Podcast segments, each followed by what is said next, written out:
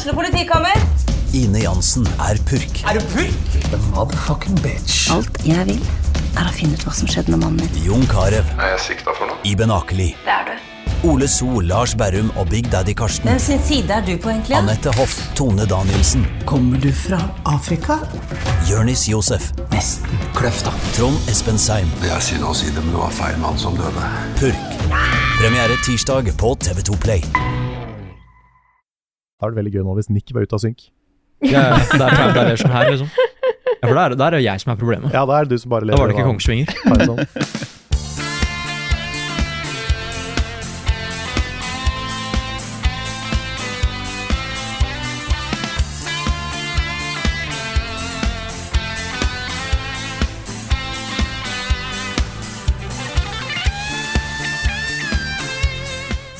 Stappfulle på is sitter vi her nå, klar for å spille inn en ny podkastepisode. Det er nemlig Level Backup som er på menyen i dag. I dag, eh, i dag heter jeg Frida Danmo. Jeg gjør det egentlig alle andre dager òg. Eh, Gjør du men i dag, ja, faktisk ganske rart Ja. Med meg i dag har jeg Karl Martin Hogsnes, Jan Martin Svendsen og Niklas Halvorsen og Rune Fjell Olsen dukker opp ganske snart.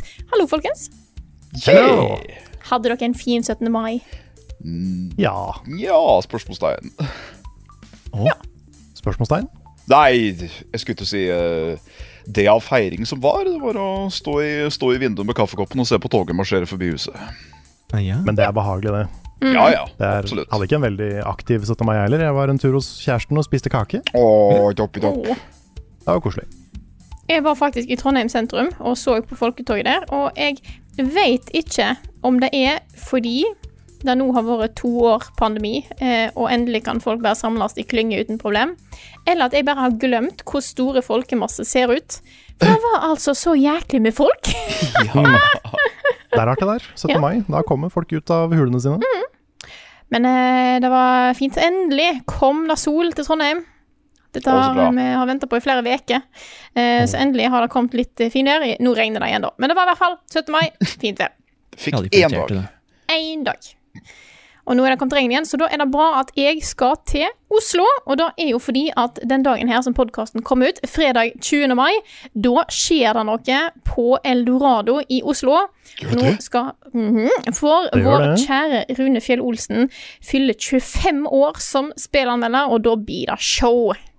Da blir det show, Da da, blir det det show. fest. Da blir det quiz, det blir intervju, det blir maybe some surprises. Du, I don't know. Så eh, kom deg til, til Eldorado i morgen, eller i dag, da, for deg som hører på. Hvis du hører på den podcasten her tidlig den dagen den kommer, så er det fortsatt bretter, fortsatt mulighet til å smyge seg inn på Eldorado og, og se på show, altså. Absolutt. Showet eh, blir varer i ca. to timer. Vi starter klokka sju, og så blir det litt sånn der nach eh, afterparty etterpå. Billetter finner du på Ticketmaster, så bare ta og søk de opp der. Ja, det blir koselig å se deg igjen veldig- fysisk, Frida. Og det blir veldig koselig å se alle dere igjen òg. Det må jeg si. Det er lenge siden jeg har vært i Oslo. Og så blir det fint å få komme innom og se kontoret. Nå ser jeg dere har noen stoler baki der. Du har ikke sett kontoret. Ja da, nå begynner det å bli fint. Ja. Og så kan du se leiligheten min, Frida. Ja, det blir veldig koselig. Kjekt Den har blitt fin, den òg. Mhm. Det har den. Og eh, skal vi hoppe rett videre her. Andre ting du kan få billetter til på Ticketmaster, er nemlig sluttspillet i Telialigaen. Da blir holdt òg på Eldorado i Oslo. 28. til 29. mai. Eh, så der blir det finaler. Kule kamper. Ta og Sjekk det ut. Det er billetter på, på, på Ticketmaster, og mer info ligger på telialigaen.no. Kan nå først også komme med en disclaimer at vi eh, er jo kjøpt opp av Good Game, som òg eier Telialigaen. Bare så da er nevnt, så har vi yeah, alt 51 ikke, ikke 100% Nei. 51% Yes. så, så vi har 51 på det tørre. Ja. Det, det er på en måte. Yes. Forrige uke så snakka Rune litt om et spill som heter Salt and Sacrifice, som er oppfølgeren til Salt and Hva er det? Sanctuary. Sanctuary, tusen takk.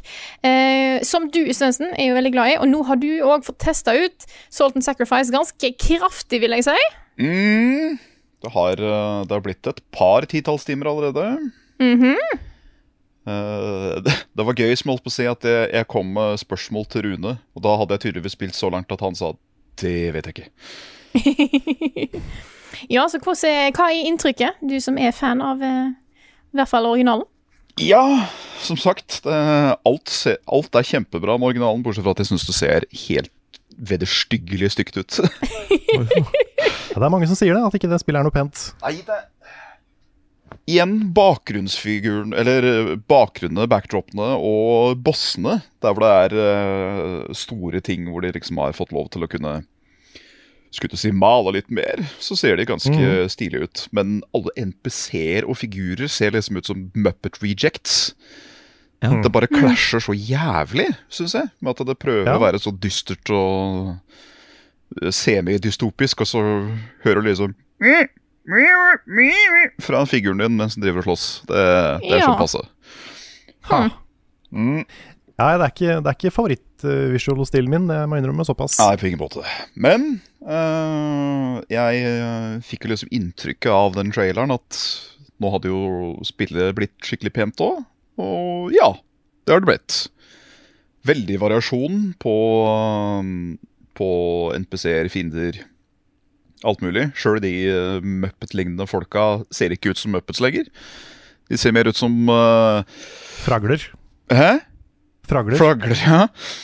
De ser hmm, De ser ut som 80-tallsskuespillere for alver. Jeg vet ikke helt hvordan jeg skal forklare det annerledes. Ja, sånn de- at de ser veldig glatte og fine ut. Ja. Hmm. Og jeg elsker det, og jeg hater det. Ok. ja. Sånn helt 50-50 elsker og hatere. det.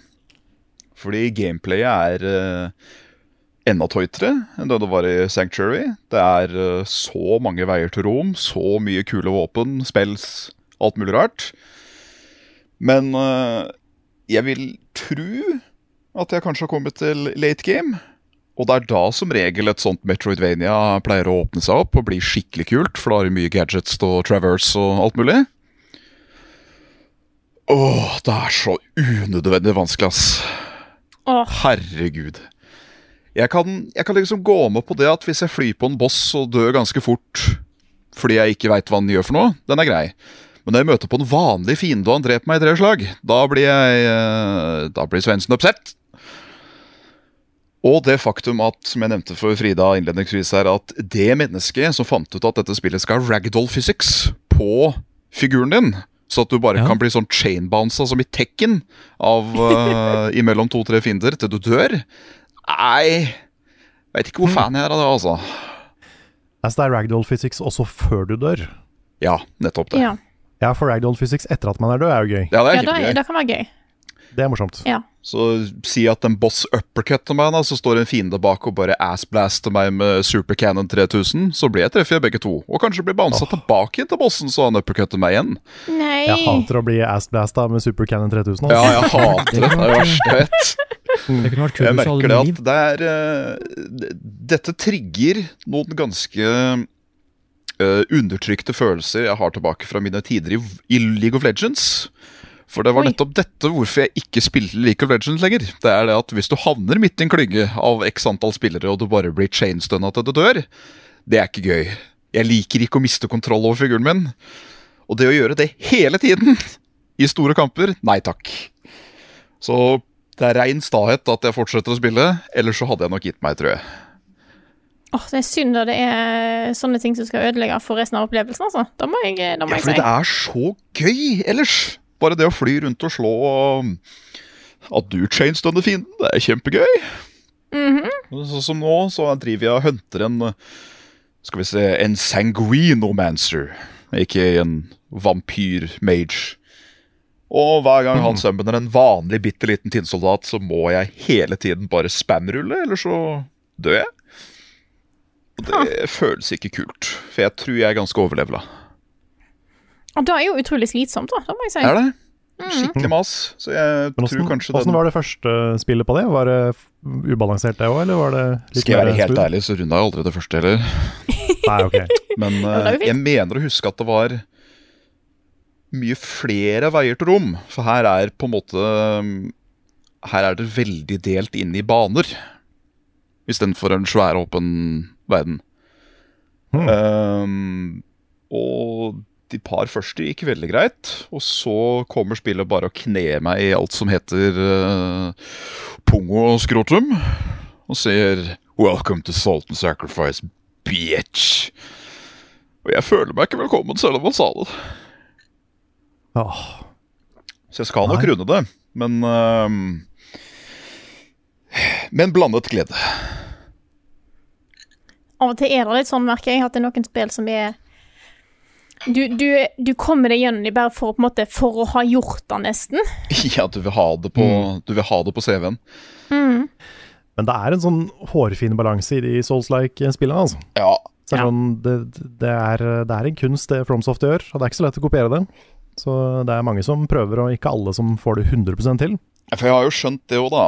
Uh, nå prater jeg veldig ut av ræva, fordi jeg har, jeg har bare sett på veldig mye, men jeg har ikke spilt det sjøl. Hollow Night er jo også sånn at det kan bli helt usannsynlig vanskelig etter hvert, men der har du òg veldig mange tools til å gjøre kamper lettere. Pluss at det faktum at bare gjennom det å slåss, så kan du fylle opp liv. Fordi det er vel sånn du fyller opp den der eh, spirit-tanken, eller hva pokker. Ja, ja. Sant, sant. Så yeah, det var meg. Yeah.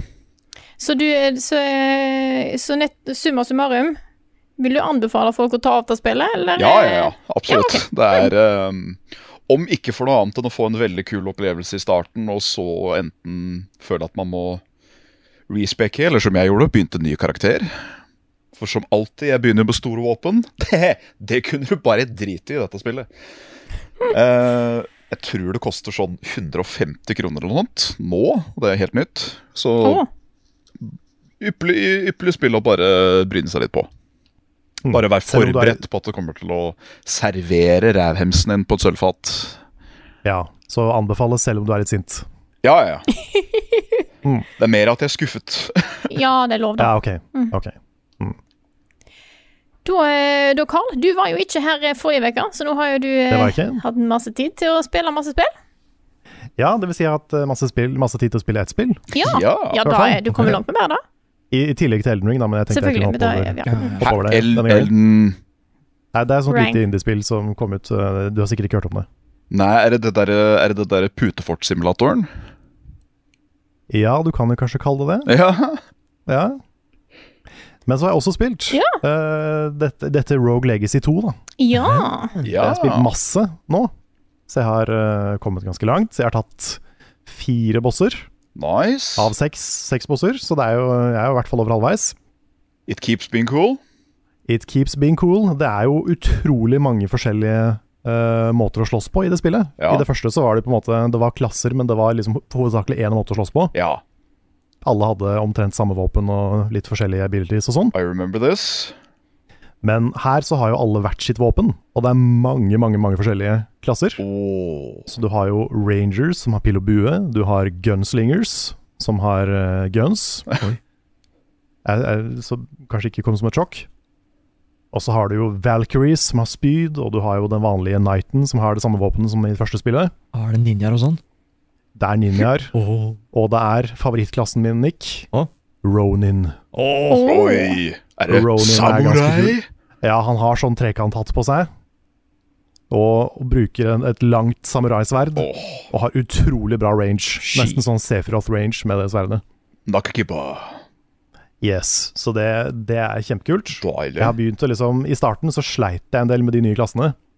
Fordi det var jo ikke sånn som det første spillet, og jeg ville ha det sånn. Det var ikke sånn du hadde det i fingra? Nei, det var ikke det. Men, men med Night så var det sånn, da skjønte jeg det med en gang, for jeg hadde spilt, spilt det før. Yeah. Men nå begynner jeg å eh, varme meg skikkelig opp til de andre. Så nå har jeg mange favoritter som er overnight, faktisk. Oi, kult. Så Rodin er en av de. Barbarian er jo en av de. Har blitt ganske tanky. Mye helse og har en sånn derre spin attack eh, i lufta, som er veldig bra. Spin 2 igjen. Og så har jeg begynt å bruke litt mer abilities. Det er masse forskjellig magic, masse forskjellige eh, sånne class abilities også. Noen av de er litt, eh, litt kule. Ja. Um, så jeg koser meg jo gløgg i hjel med det spillet her. Det er, jeg merker at jeg kan ikke spille det så lenge etter hverandre, fordi det er så demotiverende når du dør. Ja. Mm. Fordi uh, det, er, det, er litt sånn, det er litt sånn som i Hades, at du får mye progresjon hver gang. Men det er samtidig sånn Du blir litt skuffa når du liksom er Når du dør, og så bare åh, han begynner helt på nytt. Ja. Jeg kjenner til følelsen. Så, så jeg orker som regel ikke mer enn én eller to runs på rad. For det er ganske lange runs òg etter hvert, når du låser opp mer av slottet og, og sånn. Ja, det tar vel, ikke, tar vel ikke et hot minutt å kjøre med sånn playthrough. Tar et ganske langt minutt. Ja. Så um, et New York minute, jeg vet ikke hvor mye av det er. Er ikke det en ting? Hæ? Det, New York det er Minute er kanskje- det. Ja, det er Det er kanskje, ja, ja. Men jeg vet ikke om det er mer eller mindre tid. Godt spørsmål. Så det er ikke sikkert det er et New York minute heller. Nei, du må bare dra en plass til. For at med en gang du begynner å uh, En ting er på en måte sosial uh, endring i tid, som jeg tipper at New York Minute er. Men så har du jo Mm. at uh, tid er jo relativt. Eh, sånn faktisk, sånn relativitetsteori og sånt. Sånn at du må bare dra på rett plass. Eh, Ja. Så kan du Så hvis- få Ja. Hvis du reiser til den planeten i Interstellar, Ja. så er det kanskje et minutt. That's a New York minute. That's a New York minute. ja. Shit. Ja. Mm. Så nei, men det er, eh, det er lange, lange liv, holdt på å si. Og så blir jo da eh, karakteren din drept når du dør, og så eh, People die when they're killed. ja, jeg skulle til å kommentere. og, så, og så kommer da eh, barnet deres til å ta over. Og da kan Ja. du velge mellom tre forskjellige eh, arvinger. Som har forskjellige klasser og forskjellige abilities. Må beholdt det, ja. Så det er kult. Ja da, det er veldig kult. Og så kan du også etter hvert rerolle de, hvis ikke du er fornøyd med de tre barna du har. Så kan du få, du kan få tre nye barn. Åh, OK, eh, er dette er interessant. Ja, det Ja. er andre timelines. Ikke, bare, ikke, ikke tenk for mye på det. Nei, og så tenker jeg også det på en måte at alle ungene dine de har eh, kun ei framtid. De kan ikke velge å gjøre noe annet. Nei, de kan ikke det. Jeg tror det er sånn, jeg husker ikke helt åssen det er i Lauren, men det er jo visst en sånn forvandlelse eller et eller annet sånt, som gjør at de må inn i det slottet. da. OK. Aha. Og så dør de der, og så kommer barna deres og tar over. Ja. Helt, helt til noen sikkert tar siste boss, da. Det har jeg ikke gjort ennå. Men, ehm, men det er én ting da, som jeg merker at er litt sånn overveldende. Og det er det at uh, du hadde det samme skill-treet i det første spillet, hvor du bygger opp liksom slottet ditt, og det er på en måte skill-treet ditt. da. Så du kan uh, oppgradere hjemmet ditt for å få mer HP og mer attack power og sånne ting i starten. Uh, og du må gjøre det, for du har ikke sjanse til å klare I hvert fall jeg hadde ikke sjanse til å ta første boss engang i starten. Mens etter hvert, når du bøffer deg litt, så, så går det mye lettere. Men det skill-treet har blitt så svært. Mm. Ja. Sånn veldig, veldig, veldig veldig svært. Så du kan jo liksom oppgradere bare attack power sånn 100 ganger.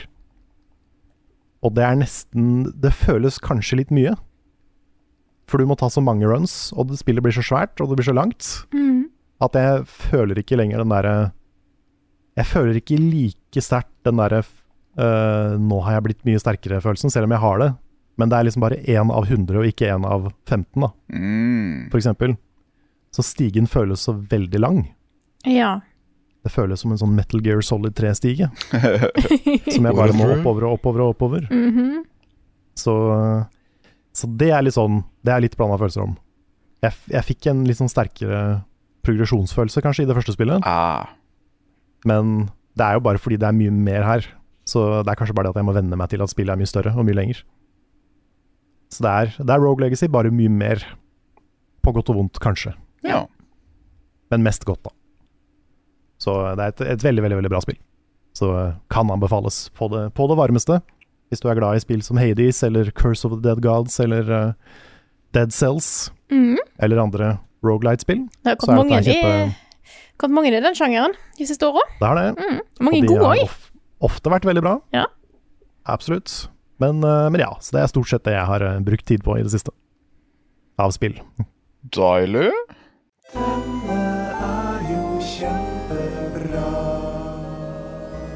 Ukens anbefaling. Jeg har en litt spicy anbefaling denne uka her. Dette her er ikke sikkert at det er relevant for alle som hører på, men jeg syns dette her er dritkult, og det er sikkert andre som er interessert i dette her, sånn som jeg er. Dette er nemlig, hold dere fast, vitenskapsrelaterte dokumentarer på YouTube. Holy Oi. Ok, og det handler om eh, skikkelig sånn, litt sånn skandaler og dramahistorier som har skjedd i vitenskapshistorien opp gjennom tida. Wow. Eh, og dette tar for seg mye eh, Det er en eh, Jeg kan begynne med hva kanalen heter. Kanalen, eh, fyren her, da, han heter Bobby Broccoli. Bobby oh, Broccoli. Bobby Broccoli han lager dokumentarer om eh, da vitenskapsskandaler og kontroverser. Okay. Eh, og tar for seg eh, ting som Det var en forsker eh, som heter Jan Henrik Schjøn, som basically prøvde å jukse seg til å få en nobelpris.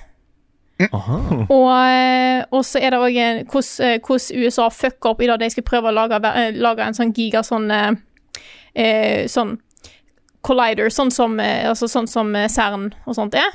Ja. Eh, hvordan de prøvde å fucke opp i alle ledd, liksom.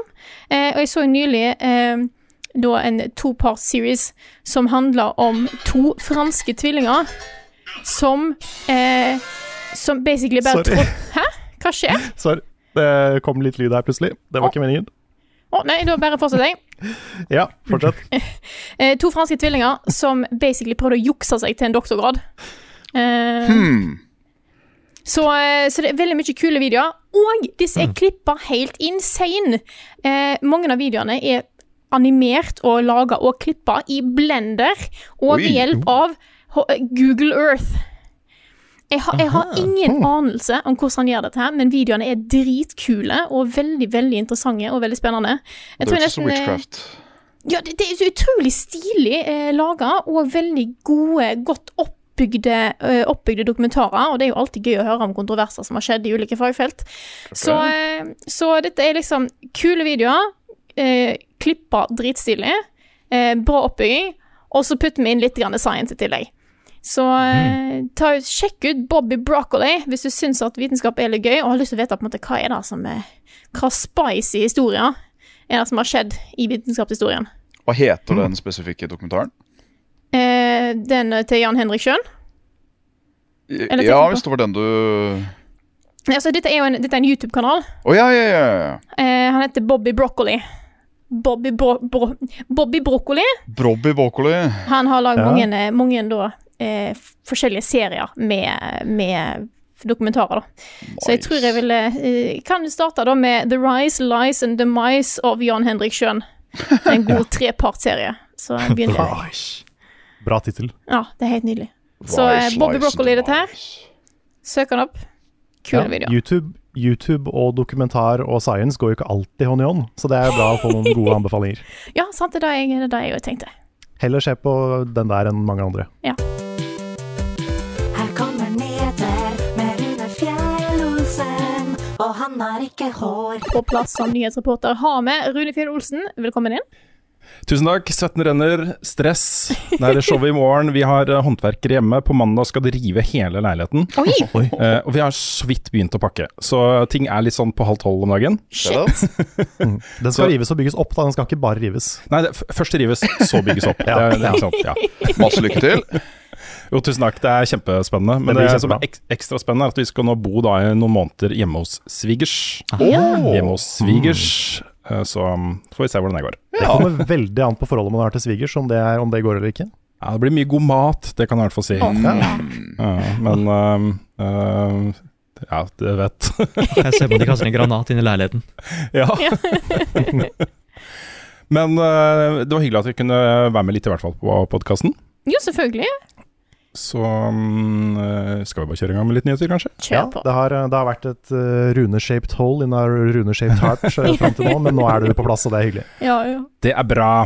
Men uh, da begynner vi med en litt uh, interessant sak her. Fordi And so it begins.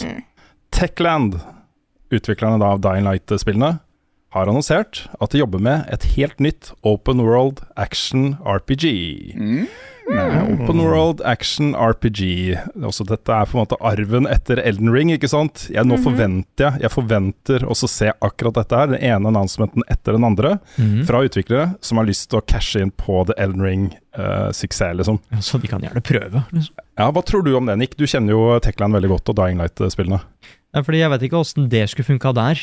Det måtte vel liksom vært en helt annen serie. Ja, det er det de sier der, da. Ah, ok, Mm, En helt annen IP uten zombier og sånn. Brand new var uttrykket de brukte. Så ah, men da kan vi okay. vedde Jeg tror fortsatt det er zombier, da. Siden de er Ja, fordi, Eh, fordi Nei, men- du ja, kan men- jo lage det med zombier. ja, men liksom, hva, hva hvis det er post-apocalypse world som er åpen, og ting har gått til helvete og sånn, og du skal utforske den verden her? Det er ikke så langt unna Elden Ring. Ja, Nei, det er egentlig bare å ha Elden Ring. Nei, det, nei, det er ikke det. Det er ikke helt det samme. Nei, men det er De er, de er kule, de er kule law-messig Elden Ring. Dette er bare zombier. liksom. ja, dette skulle være fantasy-setting, da. OK. Fantasy ja. zombies. Da er da skeletons. Mm. Ok, Så post-apocalyptic zombie fantasy game. Det er jo zombier i Elden Ring også. Ja, det er jo da. Det er sant. Nei, um, det blir jo spennende å se. De, har de laga noe sånt før, eller har de bare laget, er det bare Dying Light de er kjent for? Nei, fordi det, det det er jo liksom både De var jo med til Dead Island også, men det er jo ganske likt. Mm. Open world-messig. Mm. Nei, jeg, jeg vet ikke. Jeg føler at det liksom, du må gjøre noe Et sånn type spill i førsteperson. Vel, Du har jo Skyrim og Fallout, da, men uh, jeg er bare spent på hva de skal gjøre for å kopiere Elden Ring. er egentlig det. Og måten de bygger opp verden på. Mm. Vi var litt innom det på, i podkasten tidligere, men, med dette med Salt and Sacrifice og sånn, det er jo en vanskelig oppskrift å kopiere enn den der Ubisoft Assassin's Creed-oppskriften, kanskje? Mm. Ja. Det tør jeg påstå. Spørsmål, spørsmålet er om de klarer å få det til riktig. Klarer de å Mm. designe verden bra nok til å ikke trenge den derre Assassin's Creed-interfacen? Jeg vet ikke. Ja. Nei, ja, vi er jo litt over hvis, hvis, de, hvis de gjør ting de har gjort før, da, men da litt mer open world og sånt, så er vi jo litt i Days Gone-leiren, kanskje. ja, for det kunne fungert Mm. I Fantasy World. Ja, men jeg tror akkurat den fantasy er et litt nøkkelord her også. Jeg tror liksom det der med uh, å ha forskjellige builds og forskjellige uh, eh, startingklasser og, og, og ferdighetspoeng og forskjellige typer våpen og uh, oppgraderinger til våpen, alle de tingene der, da. Alt, alle de rollespilltingene som er i Elden Ring og The Witcher og Skyrim og alle disse, liksom.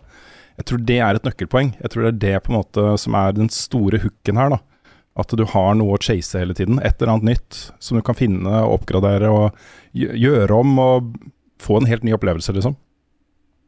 Så, så dette blir spennende, altså. Jeg, jeg er veldig spent på, på dette her. Jeg husker ikke om jeg nevnte det i forrige podkast, eller om den nyheten kom etterpå, men både Sky, med Skyrim, sier eh, Starfield og eh, Redfall eh, fra Bethesda er jo utsatt nå, Mm. til neste år. Så um, ja, i og med at du nevnte um, Skyrim og Fallout, så kan vi nevne det her også. Greit. Eh, jeg tipper det kommer flere nyheter om dette her eh, ganske snart, men vi går videre til neste nyhetssak, og da starter vi med et spørsmål fra Sigmund Tofte, som spør da hva tenker dere om at Saudi-Arabia nå har kjøpt 5% av Nintendo? Vil det påvirke negativt direkte på Nintendo, parentes, med tanke på at det foregår brudd på menneskeretter og lignende i det landet, eller vil det få liten betydning? Og saken er jo, som da Sigmund skriver, et, eh, et saudi-arabisk eh, eh, fond, som heter Saudi Arabia Public Investment Fund, har kjøpt 5% av Nintendo, aksjene i Nintendo. Uh, tidligere har de også kjøpt seg inn i alt fra uh, Skal vi se, jeg hadde den lista her et sted. Uh, Activision, Blizzard Jeg tror de har eierandeler i EA. Eh, litt forskjellig. Eh, og dette fondet blir jo ledet av uh, prins Mohammed bin uh, Salman, uh, saudiarabiske, som jo er også personen CIA mente står ansvarlig da, for å ha likvidert um, Washington Post-journalisten Jamal Khashoggi på ekstremt brutalt vis i denne ambassaden. Mm. Ja. og i tillegg så har du jo alle disse bruddene på menneskerettigheter, i det landet. Og dette er jo dette er jo litt det samme som Altså ikke helt det samme, men den samme type uh, diskusjoner man må ta da i, her i Vesten. Når Kina, når Saudi-Arabia kjøper seg inn i vestlig underholdning, uh, og fotballklubber, og sånne ting, liksom, så er det jo en form for hvitvasking av, eh, av, eh, av eh, det som skjer i disse landene. Og jeg er veldig skuffa personlig over at eh, disse spillselskapene aksepterer dette. Mm. Enig. Jeg, jeg syns ikke det er um, ja, jeg, jeg forstår liksom ikke Det, det sier jo alt om liksom at penger er penger. Penger er penger, og det er det eneste som betyr noe. Det eh, plager meg litt. Ja, alt tilsier liksom at Nintendo klarer seg. Ikke Ja. sant? Switch går så det griner, og de har en Zelda-oppfølger på vei, og alt er liksom I hvert fall fra utsiden ser det ut som de har eh, the time of their lives. Ja, det kom, kom det ikke nettopp ut at de hadde solgt 100, eh, 107 millioner Switch-enheter? Jesus. Det er et ganske høyt tall. Det er et ganske høyt tall, det, da. Mm. Så jeg- Nei, det er jo ikke rent mjøl i posen. Nei, altså Nå er jo ikke alltid arbeidsforhold i Japan helt eh, knalldøye heller. Men her er det jo direkte snakk om brudd på menneskerettigheter og det som verre er. Og da mm, Ja. Ja. Ja, du, er du homofil f.eks. i Saudi-Arabia, så er jo det forbudt.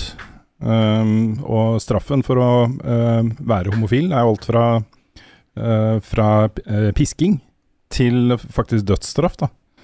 Uh, og det er um, eh, det, altså Dette kan vi på en måte ikke akseptere da, i et, et, et uh, samfunn uh, tufta på menneskerettigheter og, og, og sånt. Så, men nå skal det jo sies da at vi vet jo ingenting om hvordan disse aksjene er solgt og kjøpt. Uh, det er jo ikke sånn at Nintendo eier alle aksjene i selskapet. Nå er jo da dette fondet den femte største aks aksjeeieren i Nintendo. Jeg tipper den største aksjeeieren i Nintendo er Nintendo. Yep. Men det finnes jo andre aksjonærer som de eh, også står fritt til å selge sine aksjer på en måte til, til hvem de vil. Da. Så, um, så det er jo sannsynligvis noe sånt som har skjedd her.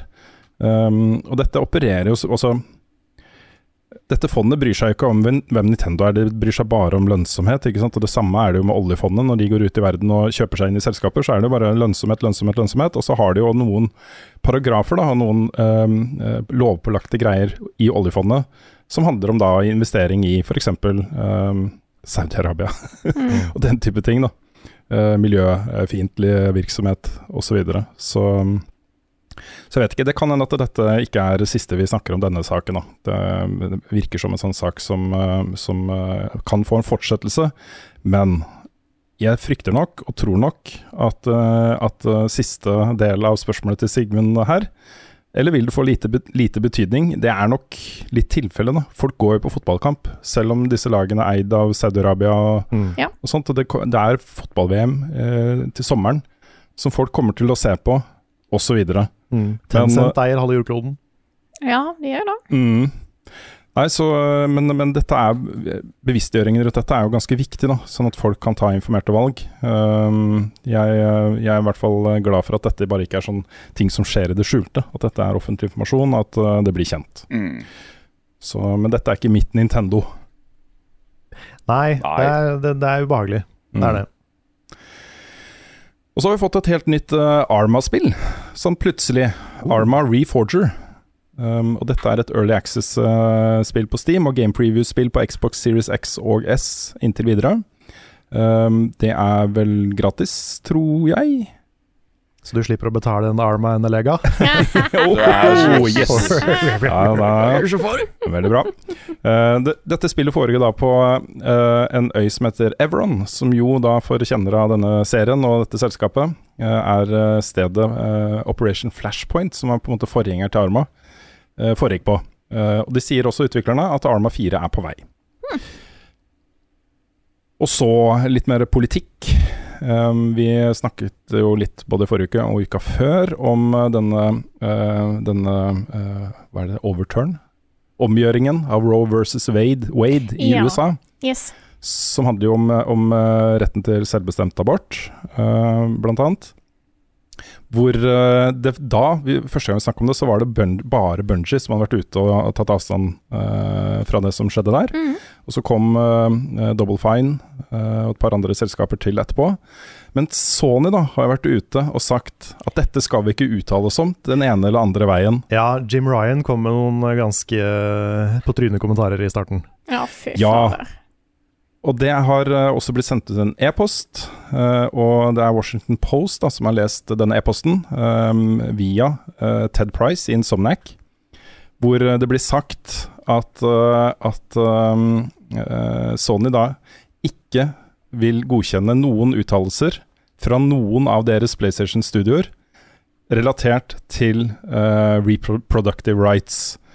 Uh, og det skal også være uh, snakk om da, i den e-posten som Ted Price sendte ut til sine ansatte, at det kan få eh, konsekvenser hvis noen gjør det.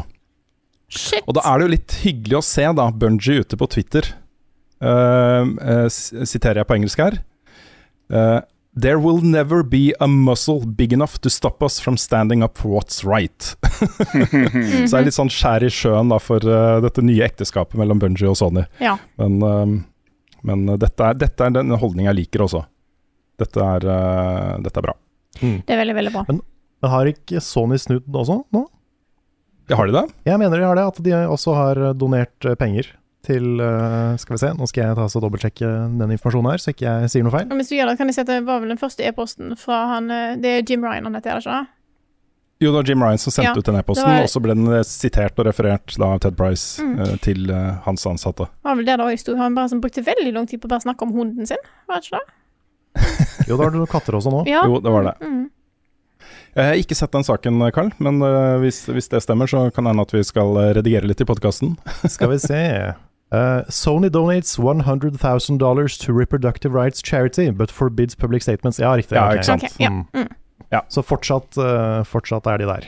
Altså Grunnen til at det blir sånn, og grunnen til at Sony er, uh, har den holdningen til det, er jo at dette er jo utrolig betent i USA. Ja, Og frontene er så steile. Og dette er Det å på en måte ta side i denne debatten, da, da er du på en måte uh, Ja, du, du åpner opp for eh, ganske eh, mye jobb da, med å håndtere reaksjoner. Um, og potensielt da penger, ikke sant, igjen. At det kan påvirke aksjekurs, og uh, kan komme boikotter og den type ting. da. Men allikevel, også. Allikevel. Ja. Ja, herregud. Dette er jo en menneskerettighetssak, uh, i hvert fall for oss. Og Ja, for alle, Norge- vil jeg nå egentlig Ja. si. Alle land som har, uh, har lovgivning som på en måte tar utgangspunkt i at, at uh, kvinner har rett til å bestemme over sin egen kropp, Mm. behandler jo dette som et menneskerettighetsspørsmål. Uten tvil. Mm. Så, uh, men det er jo ikke tilfellet da i, uh, blant mange i USA. Land of the free. Yes. All right. If you are a dude. Et par rykter. Mm. Ja, det går nå ganske standhaftige rykter om at uh, denne um, The Last of Us-remaken, som uh, kanskje er på vei, uh, skal komme i år. OK. Og Da var det jo et eksternt studio som begynte den jobben, visstnok ifølge disse ryktene, før den da ble plassert tilbake til Naughty Dog uh, for ferdiggjøring. Så, um, så dette kan bli en sånn type Demon Souls, uh, Shadow of the Colossus-type remake, da, hvor hele greiene blir bygd opp på nytt. Så hvis det skjer, da er jeg der, altså. Mm. Det er kort tid å bruke på en remake, da, hvis det er en full uh, ground up remake. Ja, De har jo holdt på en stund, visstnok. Ja. Mm. ja, jo. Ja, kanskje. Det er så rart spill og remake. Ja, det er et rart spill å remake. Jeg skjønner, litt, liksom. jeg skjønner litt hvorfor de gjør det, fordi det, det er mest sannsynlig en sånn Vi har The Last of Us Part 2, og nå kommer den serien. Mm. Her er eneren i liksom sin vakreste form, da, hvis du vil komme deg inn i serien. Kanskje òg på PC. Kanskje også på PC. på PC. Så det, er, Mm. det, det gir ikke så mye mening for spillere. Eh, Det, det, det virker veldig som en sånn business-avgjørelse. Ja da, jeg tror nok det. Det kom en enhanced edition av The Last of Us Part 2 til uh, PS5 også, gjorde det ikke det? Jo, Jo, det kom en sånn ja. patch, og 60 frames og litt sånn. All right. Uh, regissør Tetsuya Nomura, uh, av, altså regissør av Final Fantasy 7 remake uh, Shalabangs mm -hmm, Og Kingdom Hearts-serien. ja, har vært ute og sagt at eh, i juni har Final Fantasy 7 25-årsjubileum. Um, da slo jeg de med noen uker. Det gjorde du. Eh, og der vil det komme Final Fantasy 7-nyheter. Oi, oi, oi. Mm -hmm. Spennende. Mhm. Spennende. Jeg har ikke hørt noen ting om eh, Final Fantasy 7 Remake Part 2 ennå, Nei. Nei, det er sant. så Det it's time. Jeg må få spille den originale. Mhm. Nei, du har ikke Å, jeg har så lyst til at vi skal streame det en gang, Nick. Ja. Ja. Nå er vi på kontoret, liksom, så Ja, det, vi er Ja, vi er vi har jo muligheten. Ingenting i veien for at vi kan gjøre det. Skal vi gjøre det nå? Gjør det med en gang. Switch-versjonen var veldig fin. Switch-versjonen funker veldig bra. Mm. Faktisk. Men, Fint, fint, eh, fint. nei, men nå, nå er det mye spennende på gang fra den kanten, altså. Mm. Fordi nå, kommer det, nå er det like før vi får Final Fantasy 16-nyheter. Det spillet er visstnok nesten ferdig, Oi. Oi, oi. så det, det er veldig spennende. Og så kommer da Remake Part 2, og så kommer Kingdom Hearts 4. Fy fader, ass. It's my time. It's good to be Carl. Alt vil ha krypto, Carl. Ja. Nei. Nei, sier jeg. I say no. Det er ikke en verden jeg vil leve i.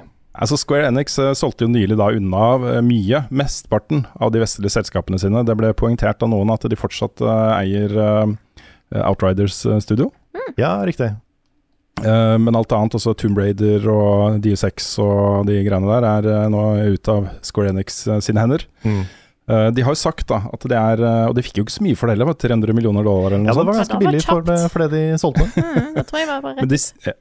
Ja, men de sier jo at det handler mye om, om restrukturering av, av firmaets kurs, Mhm. altså kursen de er på, men også uh, at de skal åpne opp for da kanskje kjøpe noen andre selskaper som passer bedre til den kursen de har valgt. da. Ja. De har jo gått hardere inn i liksom den japanske delen av Square Enix. Mm. Uh, det virker som de ikke har vært helt fornøyd med den uh, vestlige delen. Mm. Og det, det er litt rart, fordi de har jo hatt ganske stor suksess med veldig mange av spillene, men kanskje ikke den suksessen de har ønska seg. da. Nei. Det har vært penger, men det har ikke vært alle pengene. Og bare alle pengene. Mm. Alle pengene eller ikke noe. Men eh, nei, jeg, jeg mistenker at eh, han eh, sjefen i Square Enix har en sånn der crypto-dude ved siden av seg som bare 'Nå må du satse på dette her', hvis ikke så Altså at det er Ja, jeg vet ikke. Jeg skjønner ikke hvorfor han liksom fortsatt gnåler om det der. Nei.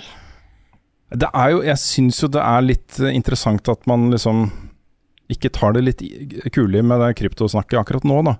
Som alt har tanka. Mm. Og det er jo uh, Det er jo hele currencies som bare er borte. Luna, f.eks. mm. Som er en sånn stablecoin som er knytta til amerikanske dollaren. Som da i teoretisk ikke skulle kunne tenke i det hele tatt, liksom. Den er borte.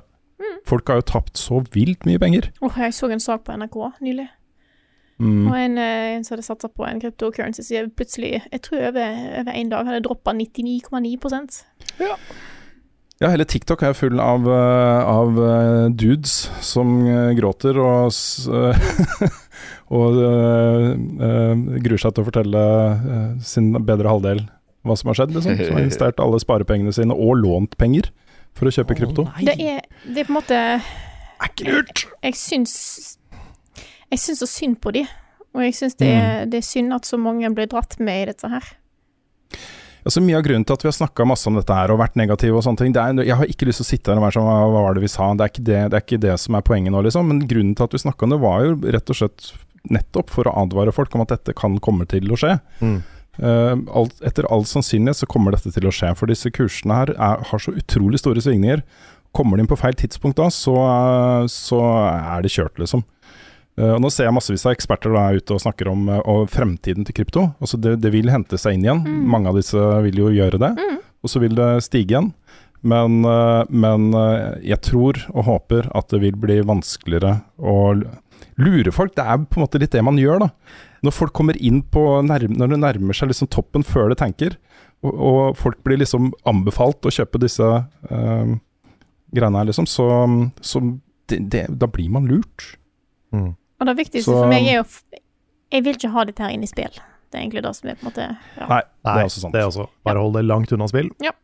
Langt Og vekk. eh, vær forsiktig, alle, alle der hjemme. Don't get scammed. Mm. Et annet selskap som jo satser litt på eh, disse tingene, er jo da Ubisoft. Uh, vi tar en, en, en eh, eh, nyhet eh, fra de til slutt i nyhetsspalten. Og det er da at dette uh, rulleskøytespillet deres, Roller Champions, nå endelig er klart. Det, og det kommer neste uke, Ja. eh, og skal være gratis. så, mm, eh, så dette er jo eh, Jeg vet ikke om det er noe folk har gått og venta på, og sånt, men det har blitt vist fram flere ganger. Så har det vært stille lenge, og så kommer det da plutselig ut. Og dette er jo sånn roller rinks. Du ruller da rundt på rulleskøyter på sånne baner. Um, og så skal du jeg, hoppe og trikse og sånne ting. så, så det kommer neste uke. Jeg vet også at Ubisoft jobber med en eh, abonnementstjeneste som skal bakes inn i PlayStation Plus, de nye PlayStation Plus-abonnementene. Hvor det da i løpet av året skal være 50 Ubisoft-spill i den abonnementspakka. da. Jeg vet ikke om du betaler ekstra for det, eller om det bare er inkludert, men eh, det vil i hvert fall komme, komme fra de da, i løpet av året. Eh, hva kommer egentlig nå? Jeg har ikke peiling. Hva kommer nå? Karl, det går rykter om en liten wildcard-spalte som du har gjort klar nå som er så mange som er med i dag. Ja, ja, fordi jeg har eh, sett en del på, hørt en del på eh, sånne game jam-podcaster og streams og ting og tang i det siste. Mm. Jeg har blitt litt inspirert. Uh, og jeg syns den ideen da, med å konseptualisere et spill er ganske gøy. Mhm. Uh, vi har gjort det litt, vi, med, med Faith of Engine.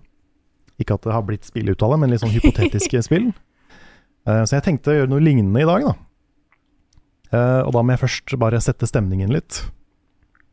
Så nå vil jeg at dere skal lene dere litt tilbake, Mm. og bare absorbere uh, det, som, det som kommer. Ok. Rune kommer inn på kontoret med en spennende nyhet. Han har vunnet i en pokerturnering, der premien var lisensen til en høyt elsket franchise. Frida foreslår å bruke denne lisensen til å lage et spill. Det har hun lært masse om som en del av doktorgraden. Nick spør hvordan vi skal finansiere dette, men Svendsen har en plan. Han kjenner en fyr som har kontakter i et publishingselskap, som takker ja til et samarbeid med Level Up bare fordi det var Rune, nei, bare fordi det var Svendsen som spurte. Ok, ja. Men hva er lisensen vi har vunnet rettighetene til? Er det A. En 90-talls tegnefilmserie om kule pingviner i et isbergromskip som reiser på eventyr i verdensrommet, regissert av Robin D. Bacon? Er det B. En romantisk såpeserie om forbudt kjærlighet, intriger og konflikter mellom mennesker og demoner i en viktoriansk setting, skrevet og regissert av Dame Scarlett Lemumoon? Åh, det er open world, ja. Eller er det C. En bokserie på åtte bøker om, et, om en alternativ andre verdenskrig, der atomvåpen har åpna en rift til nye dimensjoner som endrer vår forståelse av virkeligheten. Oi. Livet og døden, skrevet av prisvinner Jim Nasium Otherway. Det høres mye kulere enn alle de andre. Er det, Dette A, er bra, B, er det A, B eller C? Det skal dere velge nå. Alle tre er like populære, og nærmest garantert en millionsuksess. Ja. Okay. Så må C. dere C. Rune sier C. Jeg skulle vært noe annet enn C. Vi kan gjøre hva som helst. Ja. Det kan til og med hente inn pingvinene som er i space. ja. Ja. Vi kan koble de andre universene, liksom. Ja, det, men dere har bare lisensen til en av de, da. Jo, jo. Ja, men vi kan lage noe som ligner. Noe som ligner, ja. Det, Ja. er, du- det gjør du hele tiden. Ja, Ja, ja. det er for så vidt sant, da. Mm. Okay. Nei, men jeg likte, jeg likte C best uh, pga. den der uh, spacetime-rift-tingen. Mhm. Eh, så likte jeg liksom A for uh, space, Ja. men uh, det er f stort minus fordi det var pingviner. Mm. Vi har Så, Star Fox, liksom. Ja. Men jeg- jeg er helt klart C. Altså. Jeg ser jo for meg at disse spillene vil jo ha veldig ulik stil. At A ser jeg for meg at du kan gjerne lage en ganske sånn cartoony, litt sånn Ratchet and Clank-stil. Mm. Mhm. Eh, mens den siste kan jo være uh, litt sånn hva som helst. Litt Mhm. mer, kanskje litt sånn stilistisk realisme. Mm. Sant. Ja. Jeg trodde faktisk dere, hadde, dere var mer på, uh, nummer, på B, altså. Ja, for det var var lov grei. Kan, kan du ta det Det en gang til? Romantisk såpeserie om forbudt kjærlighet, intriger og konflikter mellom mennesker og demoner i en viktoriansk setting. Ja, men det er også C, da, Carl. Ja, men, ja hvis du legger godvilja til, men det er jo, dette er jo andre verdenskrig, da. Ja, men rift inn i andre, ikke sant. Det det- Er du klar over hvor mange andre dimensjoner det da fins? Jeg tror kanskje jeg, at C var litt OP. Altså. ja, var Det det er jo det er Multiverse of Madness, Carl. Ja, vi kan det er hva som helst. Vi kan ha hvilken som helst stil òg. Ja, for Ja. jeg tenker, at, jeg tenker uansett at utgangspunktet andre verdenskrig eh, da, da starter du bare, for da starter du med ting folk kjenner. Eh, Og da er det veldig lett å måtte sette stemningen. Du slipper å bruke kjempelang tid på å få universet til å gi mening. Og så kommer disse andre riftene, og da gjør ikke universet mening lenger, men det går greit. Hmm. Sant? Så jeg Det tror, det går ikke. ikke. Ok, så dere går, dere går for C. Å ja. Ja. Yes, sir. Den er grei. Flashback til 2014. En gammel dame banker på døra hjemme hos Rune og spør om han har noe sukker å avse til en bolle med cornflakes. Rune er på vei ut døra for å kjøre de da ganske små barna på pottekurs, og er egentlig ganske stressa, så han sier nei i en tone som kan oppfattes som litt avvisende. Da tar den gamle dama av seg maska.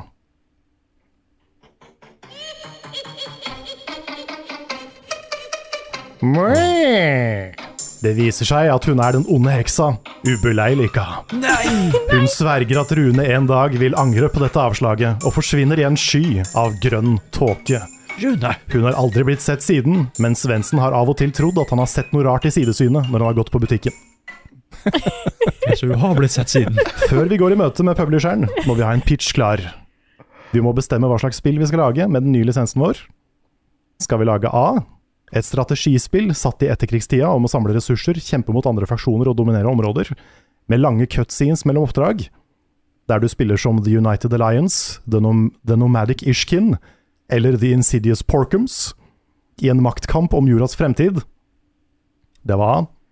Er dette her, eh, Carl, er dette her en slags sånn pitch om å få jobb i, i spillbransjen? Fordi dette er gode, gode ideer. Ja, takk, takk. Nei, det god er, eh, konseptualisering det kommer med her. Det er egentlig bare å sitte, å sitte lenge oppe og skrive ting man kommer på. Ja.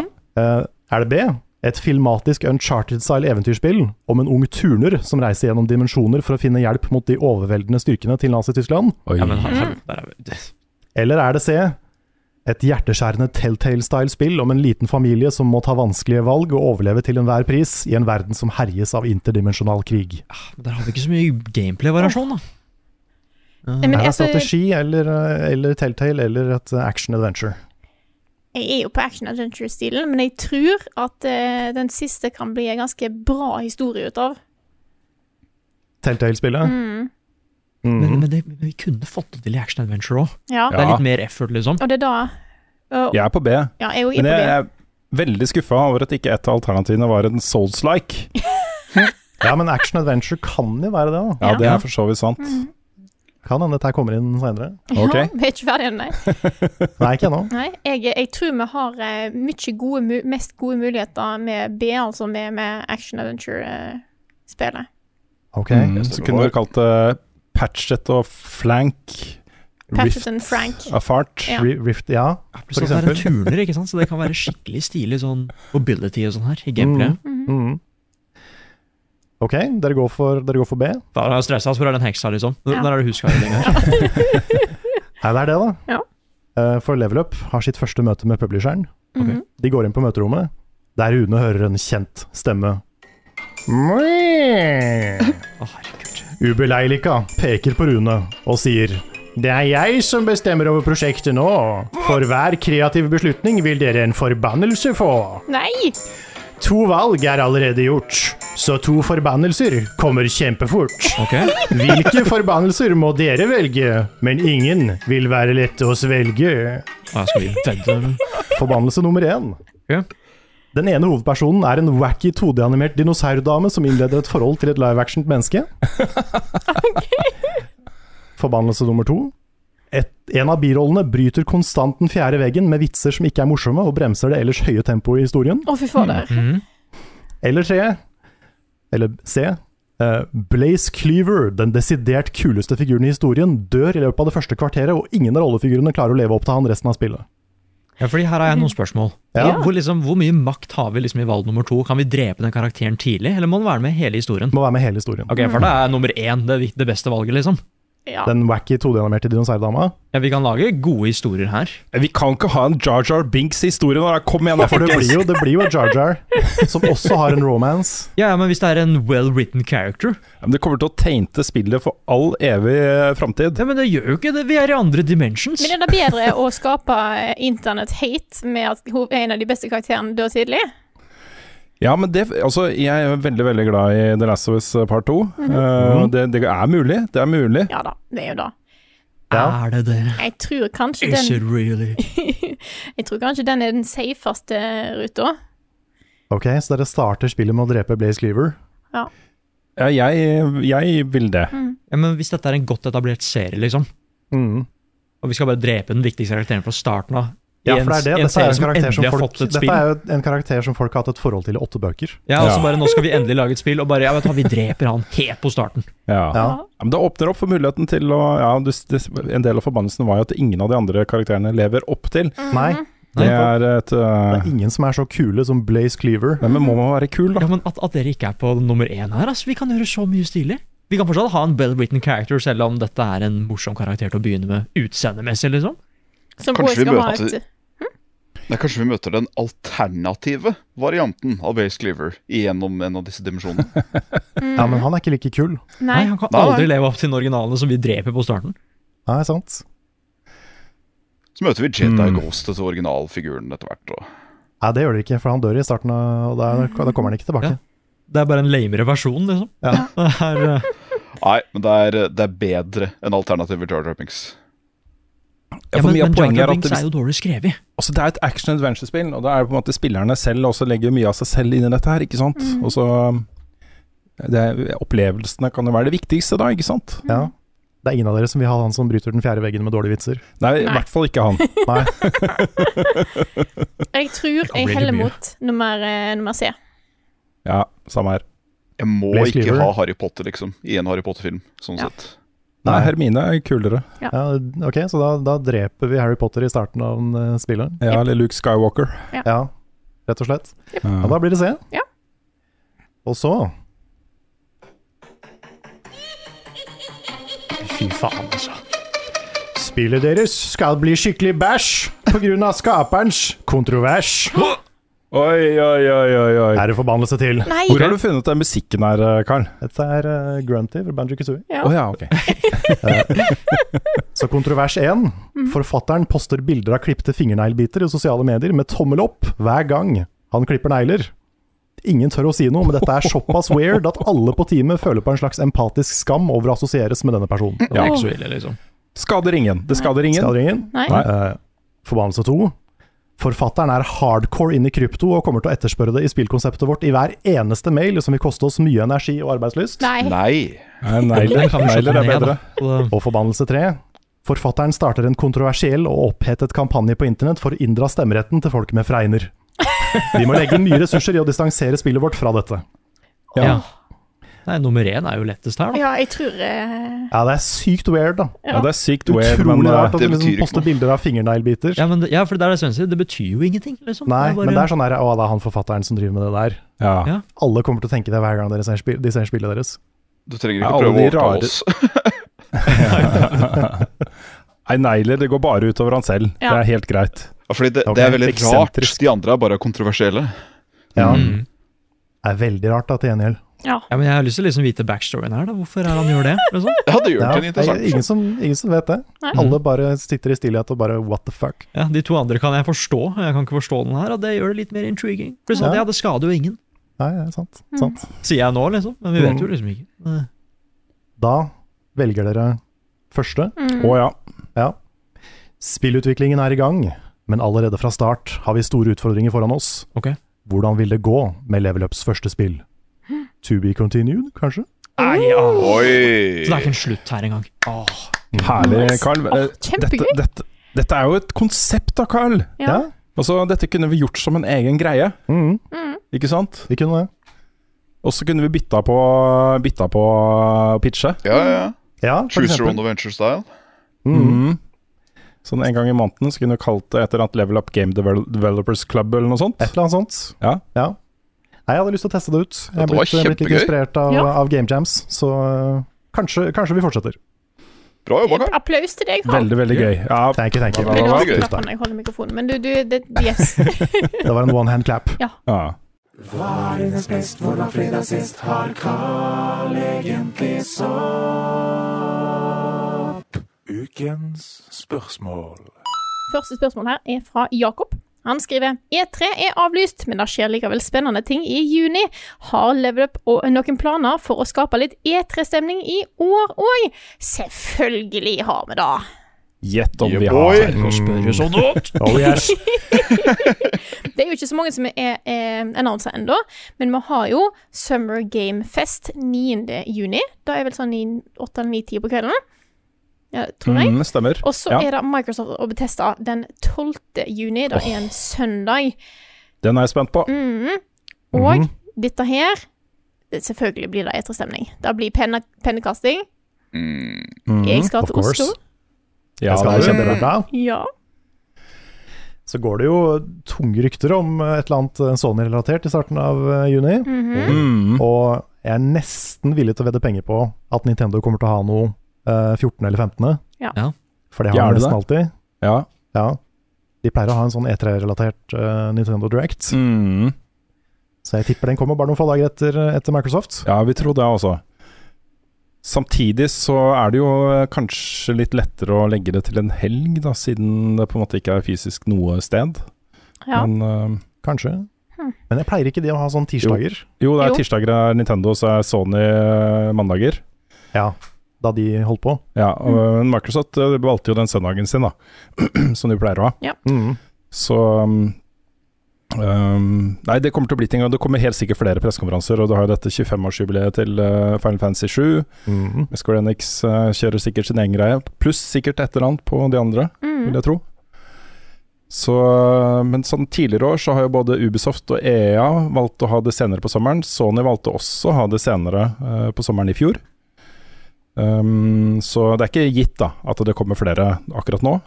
Men uh, akkurat den derre Summer Gamefest vil jo kunne inkludere litt fra alle. Ikke sant? Man Mm. kan få Bloodborne 2. Ja, ja. Jeg, jeg tipper veldig mange har gitt greiene sine til Kili i år. Ja. Fordi Mm. E3 ikke har vært en ting. Ja. Mm. Så det blir nok en bra, en, en bra showing. Nå tror jeg. Vi har, vel, Verdt å få med seg. mm, vi har ikke helt planlagt formatet på hva vi, eller hva vi ender opp med å gjøre, men det blir dekka av oss, bare så det er sagt. Det kan nok hende det blir litt mer oppstykka pga. at E3 er liksom den, den samlende tingen lenger. Ja, men kan vi kombinere det med litt streaming av andre Ja, spill ja, og gjøre, altså, ha det vi, litt sånn vi kommer til å gjøre gøye ting. l- Lage vår egen feiring, på en måte. Ja. Ja. Og så er det så greit at det er på innafor tidspunkt. Ja. Det er liksom klokka sju, klokka åtte på kvelden. Ja. Husker Norsk dere da. Bethesda begynte klokka seks om morgenen? Å, fy faen, da hadde jeg Da Ja, var det var hardt. Ja, Det var veldig koselig. Da. det var koselig. Det var det. Men jeg husker også, var det, var det klokka liksom halv fire, halv tre på natta med Sony? Og det Ja. var liksom over 2000 som satt og så på, Ja. sammen med oss. Ja. det var litt magisk, det òg. Ja, det. er magisk. Mm. Vi satt og spilte Cards Against Humanity og Ja, ja, ja. Det var hyggelig, altså. Ja. Så nei, vi får eh, prøve å gjenskape noe av den stemningen. Det viktigste er jo eh, hypen, da. Altså med nye, nye gameplay-videoer og sånt fra ting. Mm. Announcements osv. Hva er det dere håper mest å se, da? Bajonetta 3. Mm. Altså, nå har de jo sagt at ikke Kingdom Hearts 4 kommer til å bli vist på en stund, Mm. så jeg forventer ikke det. Men uh, det er nok uh, 7 remake eh, part 2, altså. Mm. Ja. Og 16, men det har vi sett litt av allerede. Mm. Så eh, det er jo kanskje det. Av det som jeg tror er sannsynlig at blir vist, så er jeg òg på, Final Fantasy 7 Remake Part 2. Eh, for, forhåpentligvis kanskje se litt grann mer fra Breath of the Wild 2. Og så er det, Det tror alltid hm? Ja, jeg tror det. Ja. Ikke nødvendigvis sånn dritlang. Jeg trenger ikke sånn to timer gameplay session. Jeg trenger bare liksom litt grann greier. Eh, Og så Mm. er det alltid et håp om at Bajonetta 3 faktisk blir ferdig en gang. Ja. Mm. Men jeg har også veldig tro på en releasedato release-dato for God of War. Ja, mm, det er sannsynlig. Hvis Sony gjør noe, Ja. så får vi det. Jeg er ganske sikker på. For de insisterer på at det kommer i år, og da Ja. må de gi den datoen snart. Mm. Det er til og med understreka det, liksom. Ja, de har det. Nei, det er noen infamous-rykter som er ute og går nå, så det kunne vært spennende. Oh, Ja, er det, rykt, er det ryktene er det remake eller et nytt spill? Et nytt spill. Nettopp. Er Liksom, eh, så det kunne vært veldig kult. Jeg er spent på hva de får til med det nå, så lenge etter. Mm. Ja. Men de har hatt en Lightning Boy, og de har hatt en eh, er det, Hva er det han andre har igjen? Ja, han hadde mye rart. Han var Smokeboy og liksom mye Ja. greier. Får vi en, får vi en Ice Girl? Får, får vi Elsa? Å, ja, Oi, sånn. oi, oi. Nei, vi har allerede hatt en eh, Ice Girl. Eller ikke med Lightning Boy, på en måte. Sånn Ja. Men hun var vel ikke Ice, var hun det? Eller hun hadde is. Hun hadde kanskje is? Ja. Eh, Ja. Jeg, jeg vil ha bare mer av Lightboy. Jeg, jeg føler historien er ikke helt ferdig ennå. Mm. Nei, bare De gjorde en så god jobb men Ghost of Tsushima. Lag noe nytt open world der. Hvorfor ikke gå tilbake til one of the classics, liksom? Ja, men gjort. hvis de først skal gjøre det, da, hvorfor, hvorfor ikke Sly istedenfor Infamous, tenker jeg da. Jeg vil heller ha et nytt Sly-spill enn eh, nytt Infamous. Å ja, sånn, ja. Nei, nå har ikke jeg spilt Sly, da. Eh, Å herregud, den serien er god! nei, jeg Men hva, bare at uh, hva med Multiverse of Infamous? Ultimus, ja. Ja, for da kommer liksom alle karakterene tilbake. Å ja, sånn, ja. Ja, ja, men, Ja, men og hvorfor er det ingen som lager spill av, eh, av, eh, av eh, den uh, Spider-Verse-tegnefilm? ja, men det, det skjer, vet du. Hadde ikke Ja. det vært fett, eller? Kanskje Spiderman 3? Ja, Bare Ja. vent til Spiderman 2, det kommer til å skje ting, ikke sant? Mm. Spiderman 2, Slutten på Spiderman 2 åpner et multiverse. Mm. Ja. Mm. Det jeg, jeg gleder meg mest til, er, eh, er Xbox i år. Eh, Jeg nå ser, vi kommer helt, helt, helt, helt, helt sikker.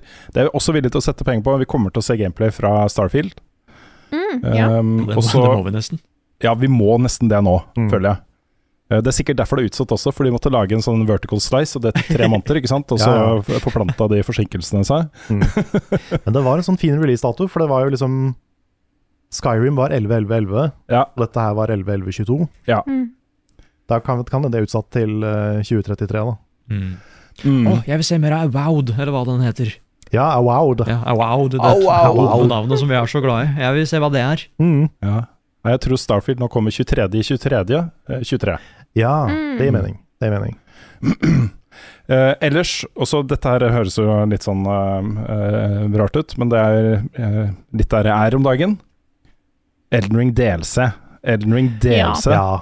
Men er det litt for tidlig til å få se det? Ja, jeg tror de har planlagt en stund. Og så Mm. må huske at, uh, at Ringed City og alle delscenene til uh, sånn Dark Souls 3 og 2 uh, og 1 kommer jo ganske kort tid etter. Også Hunter, uh, uh, delscenen til Bloodborne. Ja, det kom samme året, Ja. men det var på slutten Ja, men jeg, jeg tenker at det er innafor. Jeg tror de har sittet og jobba med det litt par parallelt. Mm. Ja, for jeg tror Eh, det. sikkert kommet kjempelangt. Jeg, jeg var jo utenfor det der Colosseum-greiene i Lanedal i Elden Ring eh, nå nettopp, for å farme ut eh, fullt eh, dualist, armor set og to, to økser og to uh, hamre, sånn du kan dual-wielde. Og det er jo liksom foran inngangen. Det kan jo komme noe sånn PVP-DLC-greier som jeg er klar, altså. Mm. Så jeg tenker også en ny teaser til noe nytt av FromSoft. ja. Bare sånn som Sekiro fikk, bare sånn et par sekunder av noe nytt. Jeg tipper at vi både kommer til å se Armored Core-spillet deres, men også eh, et eller annet nytt sånn Soulsborne, eh, enten Eldring eller eh, Bloodborne eller eh, Mm. Et eller annet. Det er lov å håpe. Ja, men det sier vi foran hver eneste Ja, vi gjør Ja, det. vi gjør Vi det. gjør det. Men plutselig så kommer det. Vi det vi, er, vi tar feil helt til vi har rett. Rayman Ja. 4. Oi! Jeg får jo eh, virkelig tø- føle litt på, på E3-feelingen, fordi at eh, det var jo Vi streama jo E3 fra, eh, fra UiO på Blindern i flere år. Og jeg skal jo til Oslo for å gjøre noe forsøk på UiO på Blindern den uka. Det er derfor jeg drar til Oslo, blant annet. Ja. Så det blir, so Connected. det blir spennende. Mm. Så kommer det en eh, ond heks og sier Ja, plutselig så Du får Bloodborne, men det er bare på Kinect. Ja, men det kunne gått. Jeg hadde sto på FromSoft, liksom. Ja. oh, nei, men jeg eh, lurer på å ta et uh, spørsmål til her, hvis, uh, hvis vi skal gå Ja. videre. Mm Mhm. Du er hjemme, det. Eh, det er et viktig spørsmål her fra Magnus Christensen, som spør hvem spiste flest is på 17. mai. Det var ikke meg, i hvert fall. Nei, jeg spiste bare én is. Ja, jeg også spiste bare én is. Jeg spiste ingen. Jeg, jeg spiste to sandwicher, så da ja, Nick vant. Nick vant. Nick vant. Ja, Det her er ordentlig dårlig representert, Ja, altså. Vi, vi må fråtse is neste år. Ja. Fordi dette her Vi må er kjøpe inn ja, For jeg innså jo at det var ikke godt nok. Jeg innså plutselig at jeg òg eh, ikke hadde is i fryseren. Nei. Så tenkte jeg bli den 17. mai uten is. Men heldigvis hadde vi besøk av noen som tok med seg en pakke med sandwich. Så da, eh, da gikk Ah, ok, greit. Men eh, det var Det er bra en Mm gjester. Saviors. Ja, men da, da møtes vi neste 17. mai, så gjør vi ikke noe annet. Nei, Nei. bare sitter og stresspiser is hele dagen. Alle skal få diabetes neste 17. mai. Ja. Yes. Du, det her er en veldig relatert til historie, da, fordi 17. mai er barnas dag, og jeg har jo to av dem. Eh, og jeg, de var begge sjukt fortvila. Det var liksom nærma seg leggetid. Det var jo skole 18, ikke sant? Nærma seg leggetid. De hadde ikke slått rekorden sin på å spise is, og maste om å få gå ut, og da var klokka ni på kvelden eller noe sånt. Gå ut på butikken for å kjøpe is. Eh, og det fikk de lov til. Eh, men da de kom fram til bunnpris, så var de stengt. Nei. Så de kommer hjem fortvila. De har ikke slått rekorden sin, og så foreslo vi og de, de var veldig interessert i å akseptere det tilbudet, altså. Vi foreslo det, for vi hadde da eh, sånn eh, isboks i, eh, i fryseren, som kuleis. Mm. Og så, eh, hvis vi sier hva med én kule er én is, liksom? Mhm. så fikk de sitte der. De satt og spiste og spiste is, helt til de hadde slått rekorden sin, da. Men Så hva, hva var rekorden? det ble Ja, jeg tror det var elleve eller noe sånt. Elleve is var rekorden. Oi. Wow. Altså hver? Ja. Ja. Wow. Tenk å være Det er, kid. de kidsa dine er mer hardcore enn Ja, jeg var. Altså. Kulis, det er jo det er mulig for oss. Ja, altså en liten kule, og det var en liten kule, ikke sant. Men Ja. eh, de tøya reglene akkurat så mye at de kunne legge seg blide og fornøyde. Så Du er ganske kul far, da. Jeg må si det. Ja. Ja. eh, det var, Den satt langt inne, altså. Men det var 17. mai, ikke sant. ja. Det var litt gøy, da. De går jo barnetog. De var, gikk nummer sju i år. De skulle egentlig gått nummer én i fjor, Oi, ja. for da hadde de jubileum. Uh, det er jo sånn at de skolene som har jubileum, de går først i toget. Mm. Ah. Så, men de fikk gå som nummer sju, da, så det var litt deilig å slippe å stå der hele toget, må jeg si. ja. Det, det var det. Ser du den? Ja. Men det er ikke 17. mai før barna spyr vanilje. Nei. Har dere et eh, spørsmål til på lager? Jeg kan ta et litt eh, relatert et. Ja, gjerne. Okay. Det er fra Kristoffer Getteboys Hansen. Han Mhm. skriver apropos feiring, hva er viktigst til bursdagen av kake, is, klemmer og kos? Gaver vinner uansett, så den er ikke med. Ja, kake. Ja, for jeg, Kake. Er, jeg er mer på is enn kake, altså. Jeg er på kake. Kake. Jeg Ja, da ble jeg nedstemt. det, er, jeg, er- det spørs litt på hvor varmt det er. Jeg er generelt mer på kaker, men akkurat i den sammenhengen her, så tror jeg jeg går for kos. Åh. Kos. Ja. Ja, vet du hva, du har jo Vet du hva? Her kommer Frida i møte som er fornuftig. Selvfølgelig har du rett. Ja. Ja, Men, men, men kos som i bare hygge, liksom? Ja. Ja, for det, det er jo for så vidt riktig, da. Ja. Men, men det spørs hvordan dette her er bygd opp, da. Fordi hvis vi velger kake, er det ikke noe kos i det hele tatt. Vi sitter, vi sitter der og spiser. bare kake og sure folk. Du skal bare liksom rangere, da, så da kan, du kan fortsatt ha kos, men det er, du ser på kosen som mindre viktig enn kaka. Nå kan du slutte der og spise kaka di! Det føles som at eh, kosen er en sånn passiv bonus, ikke sant. Ja. Mm. Men hadde det vært at vi, vi fjerna 100% kos og is og valgte kake, det hadde jo vært noe annet. Det var trist. vi bare drar dit, spiser og så går vi, liksom. Det hadde vært sånn uh, Severance-fest. Ja, er bare kake og ikke noe kos. Waffle party, liksom. Bare. Jeg tenkte litt på liksom, hva blir jeg mest trist hvis ikke er der. Ja, det er jo, da er det jo kos. Ja. Du har helt rett. Men det er jo fest, da. Hvor koselig kan det være?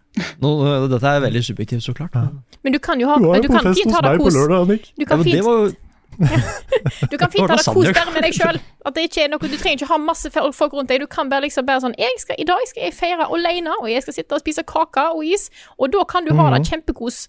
eh, Det kan du. Som en kan person. Jeg kan Jeg, kan jeg, jeg har ikke feira bursdagen min på mange mange år, og så har hatt selskap, liksom. Nei. Um, men jeg liker fortsatt å ha bursdag, fordi den dagen så sover jeg til jeg våkner. Og så kan jeg game så mye jeg vil uten at uh, kona blir uh, sur og vi må komme oss ut og sånne ting. Oh, yeah. Og, og så spiser jeg god mat. Vi går gjerne på restaurant og spiser god mat og sånne ting. Og det er liksom alt jeg trenger da for å ha en, uh, en fin dag. Så Ja. Bursdag er en fin anledning til å bare samle folk, syns jeg. mm, Jeg, skal, eh, Jeg jeg kan ærlig erkjenne det. Eh, selv om det høres litt trist ut å begynne med, så bare ha det i tanken at jeg har valgt det selv. Det er å, å kjøre bare 100% solo julaften. Oh, ja, da vet yes. om Og, og liksom fortsatt styre like mye som jeg skulle gjort hvis det hadde vært familieselskap. liksom. Jeg steker min egen ribbe og lager saus fra bunnen av hele pakka. Og så Wow. sitt, sitter jeg bare og fråtser til det begynner å gjøre vondt. og så tar jeg, tar jeg noen alkohyler, og så call it a night. Det, Ok, Så dette her starta med at du ikke hadde lyst til å dele ribba med andre? Ja. Det, Min ribbe. shit, du så Mm. igjennom alt, Rune. Jeg er litt sånn med riskrem. Oh, ja, Lager du en egen riskrem kun til deg, Rune? Nei, men jeg lager så mye at mm. ingen er i nærheten av å ha kjangs til å spise uh, noe av min andel. Men jeg er helt avhengig av å gamify riskremen med en mandel. Ok. Oh, ja. Riskremen? Ja ja, vi har, vi har uh, mandel i riskremen Ja, det også. vi også. jøss. For dere har sikkert ikke risgraut tidligere på dagen. Jo, Nei, det det er er veldig også. tilfeldig Med, med om vi har det mandel. eller ikke. Ha! Ja, Det er, det er double mandel game. double mandel. Ja, fordi først så lager man grøt, og så lager man riskrem av grøten etterpå. ja, ja. Ja. Og da er vi mandel i begge. Du har mandel i begge, ja. Ja, fordi da, da må det være konkurranse. Og er det noen som har vunnet begge gangene? En gang, liksom? Jeg tror ikke det. Jeg har vunnet en del ganger, men ikke begge på en gang. Ja, for hva Det er ikke alltid vi har mandel i begge, men vanligvis har vi mandel i begge. Ja, da vinner du to premier, da. Ja. ja. Vi, vi, Dobbelt så mye godis. vi har hatt et par litt sånn festlige, noe sånn spesielt nå som alle med ungene er voksne, og vi har dette her fortsatt for tradisjoner, god damn it! Eh, vi har hatt noe festlig år. Jeg tror det var et år der mamma putta mandel i alle sine skåler. Oh. Så alle oh. satt der og liksom lurte og hadde mandelen klar, liksom. Altså, Det er humor. Julehumor. Plot twist. Mm. Og så var det en Det er humor. Og så var det et år der pappa hadde sneket seg ned i eh, og tatt, eh, tatt bare nesten en sånn håndfull med mandler som han hadde bare putta i munnen. Så når, på en måte, når en skulle på en måte reveale hvem som hadde mandel, så hadde han sånn 20. Wow. Oi, oi, oi. Oh. Jeg, ser, jeg, ser for meg, jeg ser for meg at dine foreldre liksom bare lister seg ut på julaften og fniser. Vi har det veldig gøy. Vi har det. Jeg tror nok jeg, kanskje jeg blir nødt til å ha feiring neste år, da. Da blir jeg 50. Da blir du 50, ja? Fy Ja. Neste sommer. Ja, På. Eldorado. På Eldorado! Nei da, det, det blir ikke noe så ekstravagant på det. Nei, ok. Um, men dette er, jeg har jo fått med at folk uh, feirer jo gjerne den, Det er liksom den store bursdagen. men Det kommer jeg ikke til å ha, da. Men noe kommer jeg nok til å finne på. Et eller annet. Det blir litt det samme for meg, for jeg blir jo 30 til neste år. Ja, det er også en stor dag. Ja. Mm. Fy fader. Så det blir, eh, det blir bra. Jeg har ingen planer så langt. Eh, Planen neste år er å disputere. Det er liksom eh, Det er alle planer jeg har lagt. Mm. Og så Ja. har jeg, Tenk om du er ferdig til 30-årsdagen. Det hadde vært fint, da. Jeg er ferdig lenge før da. Ja, kult. Ja. Hvis ikke så må jeg jobbe ulønna i ganske mange måneder. oh. Jeg er ferdig. 30-årsdagen til doktor Danmo. Mhm, Mm. -hmm. Det blir bra. Det blir veldig bra. Da kan det være sånn vet du, på flyet, dette er jo en vits da, men eh, Ja. um, Ikke sant. Er det, en, er det en doktor her? Ja, kan du si da. Det er meg! Åh, jeg husker første gang jeg så en sånn eh, eh, doktor, men ikke den type doktor. Det var på eh, Disney sin Sjørøverplaneten-animasjonsfilm. Ja! Den er knallbra. Fantastisk. Eh, en ekstra anbefaling. Den ble jo bare eh, Den ble jo bare nes- nesten på en måte feid under et teppe. Eh, og at Disney nesten ikke ville eh, gi noe reklame for den. Av en eller annen grunn. Den er jo dritbra. Kjempefin. Mm. Ja. Det var. En helt sånn saga hvor mye de ikke likte den. Ja. Men, Veldig sært. Men også, siden jeg mista så mye av podkasten og inkluderte anbefaling, kan jeg komme med en liten anbefaling, jeg også. Ja, kjør på. Det er greit. Det er greit. Better Call Saul, for god damn, den er bra nå, altså. Det er jo siste sesongen, og det bygger opp og det bygger opp, og det er så intenst. Den er sånn dirrende stemning på ting som kommer til å skje, ikke sant. Så um, ja, hvis ikke du har sett uh, Better Call Saul, så bare sett i gang, altså. Det er så bra. Dritbra nå. Det, Ja, fy fader, altså. det, det, det, dette er slemt å si, men det er det den siste sesongen av Breaking Bad kunne vært, følte jeg, da. Ja, men jeg er veldig glad i siste sesong av Breaking Bad, så vi, la oss ikke krangle om det også. Det kunne vært så bra. Nei, men nei, det er eh, kjempespennende. Er den delt i to deler da nå? Jeg tror det. Jeg tror uh, kanskje det er pause fram til sånn juni-juli eller noe sånt. Ah, okay. Jeg lurer på det. Jeg er ikke helt sikker. Jeg så noe et eller annet om hvorfor de driver og deler opp på den måten. Og det var, eh, er det ikke noe et eller annet med å være eligible for Emmy-priser eller noe sånt? Ja, de, oh, ja, da kan Jeg jeg det er det der. Okay. Det var litt luro. mm Ja. Smartinger. Og med, med det så tror jeg kanskje vi tar runder for i dag, gjør vi ikke det? Jo, jeg vil bare nevne også, siden jeg ikke var her i starten, Ja. på plugginga av mitt eget show i morgen. Ja. Ja. Jeg gleder meg skikkelig også. Jeg driver og setter opp Jeg har, eh, jeg har eh, gjort klart på min PlayStation 5 eh, to spill som skal spilles. Jeg har spilt fram til det punktet som jeg har lyst til å vise fram på Nice. storskjerm. Eh, så, så den er liksom klar. Jeg har eh, fått Benjamin, i, vår gamle gode venn i VGTV, til å finne fram noen bilder fra arkivet. Uh, Jon Cato kommer innom med quiz. Jeg er veldig spent på den også, fordi ungene mine vil være i salen. jeg vet ikke helt hva han har drasse med, liksom, på, på den quizen. Uh, og så gleder jeg meg til, um, til uh, gode spørsmål fra Frida og Carl.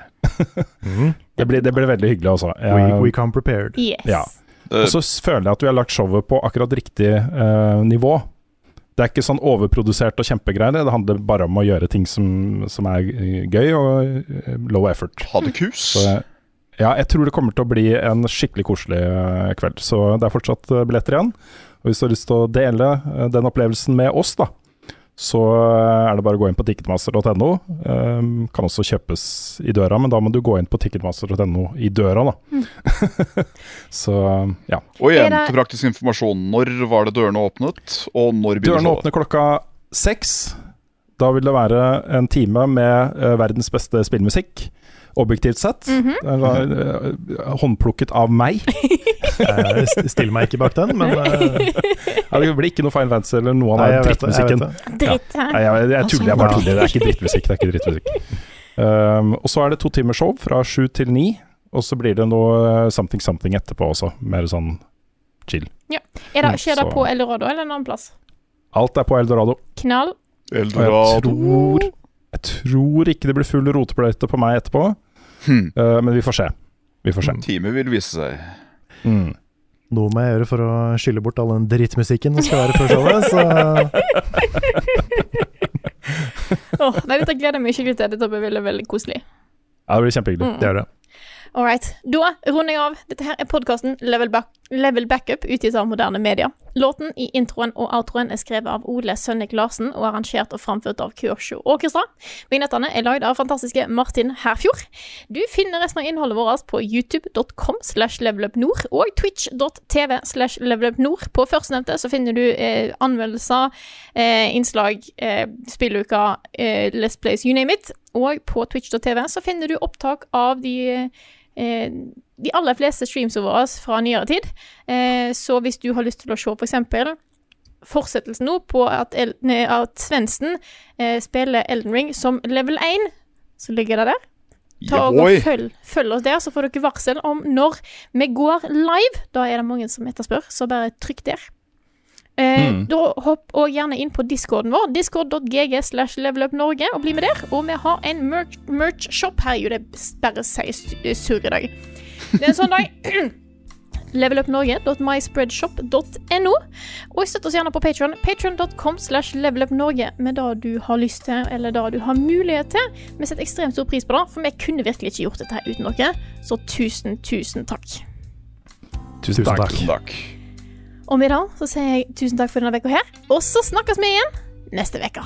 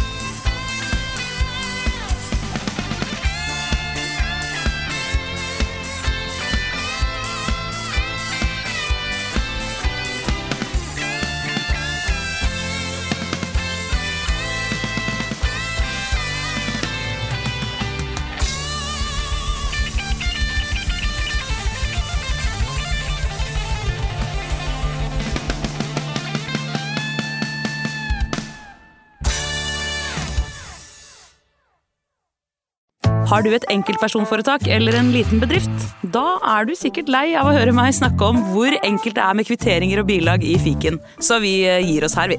Fordi vi liker enkelt. Fiken superenkelt regnskap.